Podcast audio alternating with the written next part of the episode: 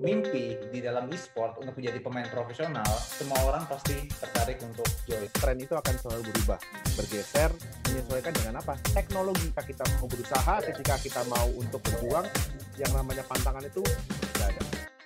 Awal mula e-sport ini justru ditumbuhkan oleh game online. Menurut pandangan Kajati sendiri, saat ini bagaimana sih fenomena gaming di Indonesia dari segi gamers casual jika dibandingkan dengan e-sport profesional?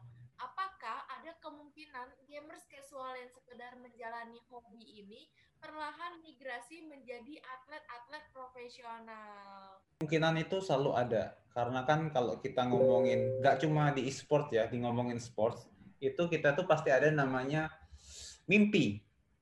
Wah, suatu saat saya pengen jadi pemain profesional. Untuk gamer casual, pasti banyak juga yang berpikir ke arah sana. Apalagi saat ini kan industrinya itu udah kayak entertainment. Sama halnya ketika zaman dulu orang ngelihat film, saya pengen jadi aktor dong. Ngelihat MC, saya pengen jadi MC dong. Ngelihat seseorang di depan layar, pengen jadi ke arah sana. Dan itu itu sudah pasti ada. Dan kemungkinan besarnya itu akan semakin besar. Nah, tapi sekarang kita melihatnya harus dari sisi juga dari publisher dan gamenya. Ada berapa banyak gamenya yang, yang mereka bisa kontribusi. Saat ini mungkin ada tiga game. Berarti ya limitnya akan ada se se seperti itu aja kecuali dari sisi kita dari Mineski juga mencoba untuk memikir oh mungkin kita bikin kompetisi dari tim-tim komunitas dari Masanang mungkin dari siapa pun oh kita bikin uh, kompetisi sendiri. Sehingga banyak jalan sebenarnya. Saat ini saya rasa juga sudah cukup banyak jalan sih meskipun uh, game yang lumayan tinggi itu hanya beberapa ya. Cuma ya baik lagi ketika kita ngomongin mimpi di dalam e-sport untuk menjadi pemain profesional, semua orang pasti tertarik untuk join kayak gitu sih. Uh, setiap kemungkinan itu pasti ada. Tinggal balik lagi kita nentuin tracknya sih. Jadi mau jalurnya seperti apa. Yang penting sih kalau bisa dibilang aware aja sih sama update. Gitu kayak maksudnya update event atau ibaratnya bakal ada penyelenggaraan apa. Oh ternyata kalau lewat kompetisi ini nanti bakal jadi jalur pro kayak kayak gitu. Uh, istilahnya gini ya, sama seperti Mas Anang dan juga Mas Jati, yang namanya tren itu akan selalu berubah, bergeser, menyesuaikan dengan apa? Teknologi. Nah, teknologi ini yang akan menyesuaikan. Siapa yang sangka 10 tahun yang lalu kita bisa main game di alat sekecil ini? Nah, kelihatan agak gue. Nah, di alat sekecil ini kita nggak tahu gimana caranya kita bisa main game. 20 tahun yang 30 tahun yang lalu kita nggak tahu. Bahkan siapa yang menyangka kita bisa nonton di alat-alat elektronik seperti ini. Nah, biasanya kita nonton film di TV, kita nonton film di bioskop, tapi sekarang kita bisa nonton TV di handphone, di tablet, di komputer, di laptop apa segala macam. Nah, tren itu akan selalu diikuti dengan orang-orang yang uh, mengembangkan hal-hal yang selama ini jadi uh, favorit masyarakat, termasuk game dan di dalamnya ada e-sport juga. Mungkin saat ini kita nggak akan pernah tahu kalau game-game yang kita mainkan mungkin belum akan ada e-sportnya. Tapi ke depannya, ya who knows. Mungkin sekarang gini, saya, saya uh, ada fakta yang cukup menarik. Dulu kita nggak pernah tahu kalau Tetris itu ada e-sportnya. Sekarang ada yang namanya kejuaraan dunia Tetris. Padahal Tetris, ya Tetris nyusun balok gitu kan. Nyusun balok, udah selesai. Tapi kalau uh, teman-teman di sini search di YouTube, ada namanya Tetris World Championship. Kalian lihat orang-orang yang dikiranya cuma nyusun balok, waduh kalau saya ikutan itu ginjal saya pecah tar gitu. Pusing ngelihatnya itu. Balok nyusun segala macam. Bahkan sampai ada yang namanya Tetris Battle Royale. Kita diadu dengan 99 orang, main Tetris bareng, siapa yang bisa menang, yang kalah langsung tersingkir. Nah, itu namanya tren dan akan berbanding lurus dengan teknologi. Seperti itu meratanya peluang bagi atlet-atlet yang berada jauh dari kota-kota besar. Nah, apakah ada pandangan untuk mengatasi hal ini? Uh, e-sport di daerah lah, judulnya ya. Jadi bisa dibilang uh, koordinasi dengan pemerintah daerah setempat sih. Kayak kadang itu gimana ya, kalau teman-teman di daerah ini nggak tahu jalurnya itu tadi. Kadang kan banyak nih, seperti yang di awal tadi presentasi tadi kan, kalau mau masuk di e-sport itu bukan cuma jadi pro player aja gitu. Kadang kita harus aware juga. Mungkin kamu berbakat eh, ngomong di kamera sebagai streamer atau mungkin punya keahlian mengolah data. Atau mungkin bisa juga jadi media jurnalis. Banyak sih. Lebih tepatnya ketika kita udah mentok sama sesuatu coba cari peluang di sisi yang lain. Gitu. pasti ada kok. Gitu.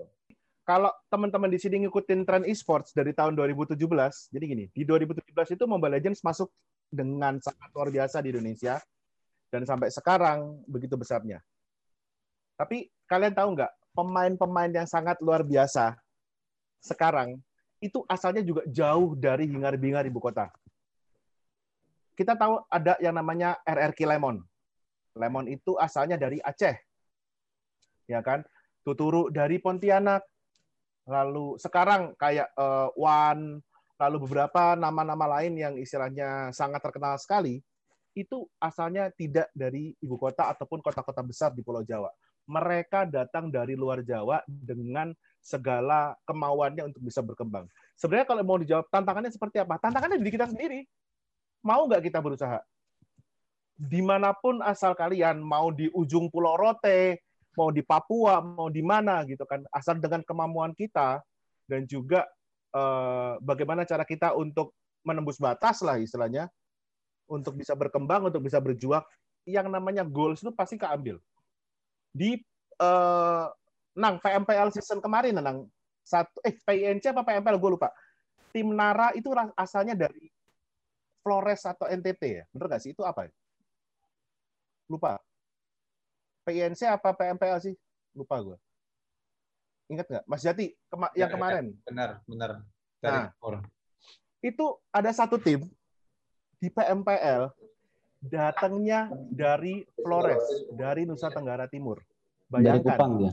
Dari Kupang. Nah, dari Kupang. Itu jauh banget, men. I mean like kita ketika kita dibandingkan dengan teman-temannya yang uh, di Jakarta, Surabaya ataupun kota-kota besar lain di Pulau Jawa, mereka secara sarana dan prasarana pasti kalah. Hmm. Tapi buktinya mereka bisa bagus dan mereka bisa berjuang untuk sampai ke target yang mungkin ditargetkan sama manajemennya gitu loh. Dan artinya adalah ketika kita mau berusaha, ketika kita mau untuk berjuang, yang namanya pantangan itu nggak ada. Cuma paling yang saya coba untuk uh, kasih tahu ke teman-teman adalah untuk terjun di e-sport ini kita harus ubah pandangannya nih. Jangan cuma berpikir sebagai atlet e-sports lot of things that we can do gitu loh di dunia e-sport ini. Seperti kayak saya sendiri, saya bukan dari Jakarta. Saya dari sebuah kota kecil di Jawa Timur, mungkin yang tahu namanya Kediri. Saya dari sana berangkat ke Jakarta, ikut di e-sport itu bukan sebagai pemainnya. Karena saya tahu saya nggak jago main game e-sport. Tapi apakah saya bisa berkontribusi dalamnya?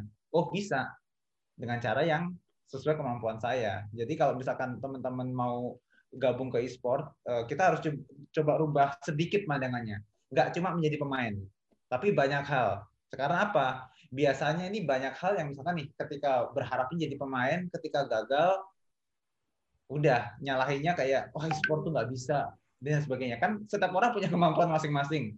Dan kompetisi pun sangat ketat kayak gitu. Jadi ya kita harus mencoba untuk open main kita. Karena di Minski sendiri banyak juga mantan pro player yang akhirnya bekerja di belakang layar yang pasti eh, memang memang semangatnya adalah saya pengen bangun e-sport di Indonesia kayak gitu. Ada tantangan apa nih untuk membuat konten kreatif dan publikasi tentang e-sport? Adakah strategi khususnya? Sebenarnya gini, tantangan kembali tantangan itu hadirnya dari diri kita sendiri. Uh, Mas Anang tadi di awal presentasinya sudah dijawab kalau dia masih uh, apa ya sering menggunakan smartphone sebagai sarana untuk bisa uh, editing konten-kontennya di uh, eh, RBJ Esports. Nah, kalau ditanya bagaimana tantangan untuk menghasilkan konten-konten kreatif di sekitar kita, itu banyak sekali bahan-bahan ataupun sumber-sumber yang bisa kita manfaatkan sebagai sarana berkonten ataupun sarana kreatif kita untuk menghasilkan sesuatu. Contoh, platform. Nah, ya, platform sekarang yang lagi naik daun apa sih? TikTok. Nah, di TikTok itu kayak apa pun, literally apa pun bisa menjadi konten dan apa pun bisa menjadi sesuatu yang sangat menarik jika kita bisa menyajikan secara benar. Kita bisa memanfaatkan sound, kita bisa memanfaatkan filter, kita bisa memanfaatkan uh, apa namanya gambar dan berbagai macam hal yang lainnya. Lalu uh, kalau umpamanya nih kita uh, uh, apa namanya tantangan dari luarnya, paling kalau saya bilang sih gini ataupun uh, tip istilahnya tipsnya lah untuk bisa menjadikan konten-konten tersebut menarik adalah seperti ini. Usahakan konten-konten tersebut original. Dan kalaupun kalian harus meniru dari konten yang lain, usahakan juga tidak apa ya, ada yang namanya itu amati tiru modifikasi. Jadi nggak plek-ketiplek mengikuti tren yang ada, terus udah ngikut aja ngikut gitu. Nggak bisa seperti itu. Setiap orang punya ciri khas masing-masing. Setiap orang punya uh, apa ya istilahnya ya uh, identitas masing-masing. Jadi ketika kalian berkonten, ya tunjukkan identitas kalian itu di dalam konten tersebut. Kayak sekarang uh, kemarin kan ada konten yang uh, apa ya istilahnya ketika lagi booming, umpamanya kayak joget-joget ataupun dance-dance di TikTok. Ya kalau kalian plek-ketiplek dengan apa yang ada ya kalian cuma jadi pengekor. Tapi kalau kalian lengkapi itu dengan identitas kalian, dengan ciri khas kalian, bukan tidak mungkin kalian menjadi trendsetternya orang-orang yang akan meniru kalian. Amati, tiru, modifikasi. Sebenarnya saya ada satu kata-kata yang menarik dari salah satu komedian. Dia pernah bilang kayak gini, sedikit berbeda lebih baik daripada sedikit lebih baik.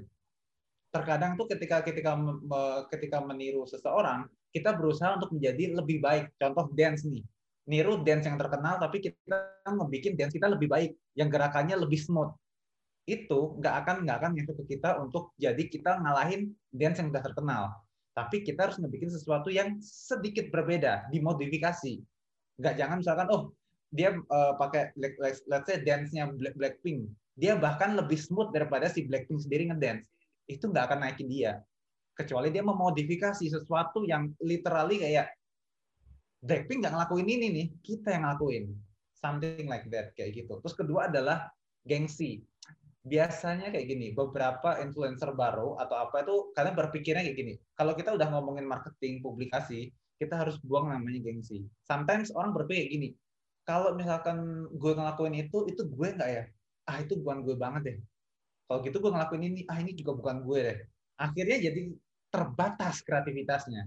Padahal kalau kita udah masuk ke dunia entertainment, kita harus buka apa eh, buka selebar-lebarnya kreativitas. Sama halnya kayak seorang aktor ketika dia ditawarin menjadi let's say aktornya berperan sebagai pengemis ya dia nggak boleh gengsi mau jadi pengemis jadi pengemis gitu loh nggak bisa kayak wah uh, gue kalau jadi aktor maunya jadi pemain utama terus maunya jadi yang kaya raya maunya yang jadi yang ganteng atau cantik nah kalau kayak gitu sudah menutup diri sendiri untuk berkreasi sebenarnya itu sih jadi harus harus berani open banget dan kedua harus berbeda kayak gitu ya itu uh, kayak yang udah ada tuh kita pelajarin tuh sisi minusnya apa, sisi plusnya apa.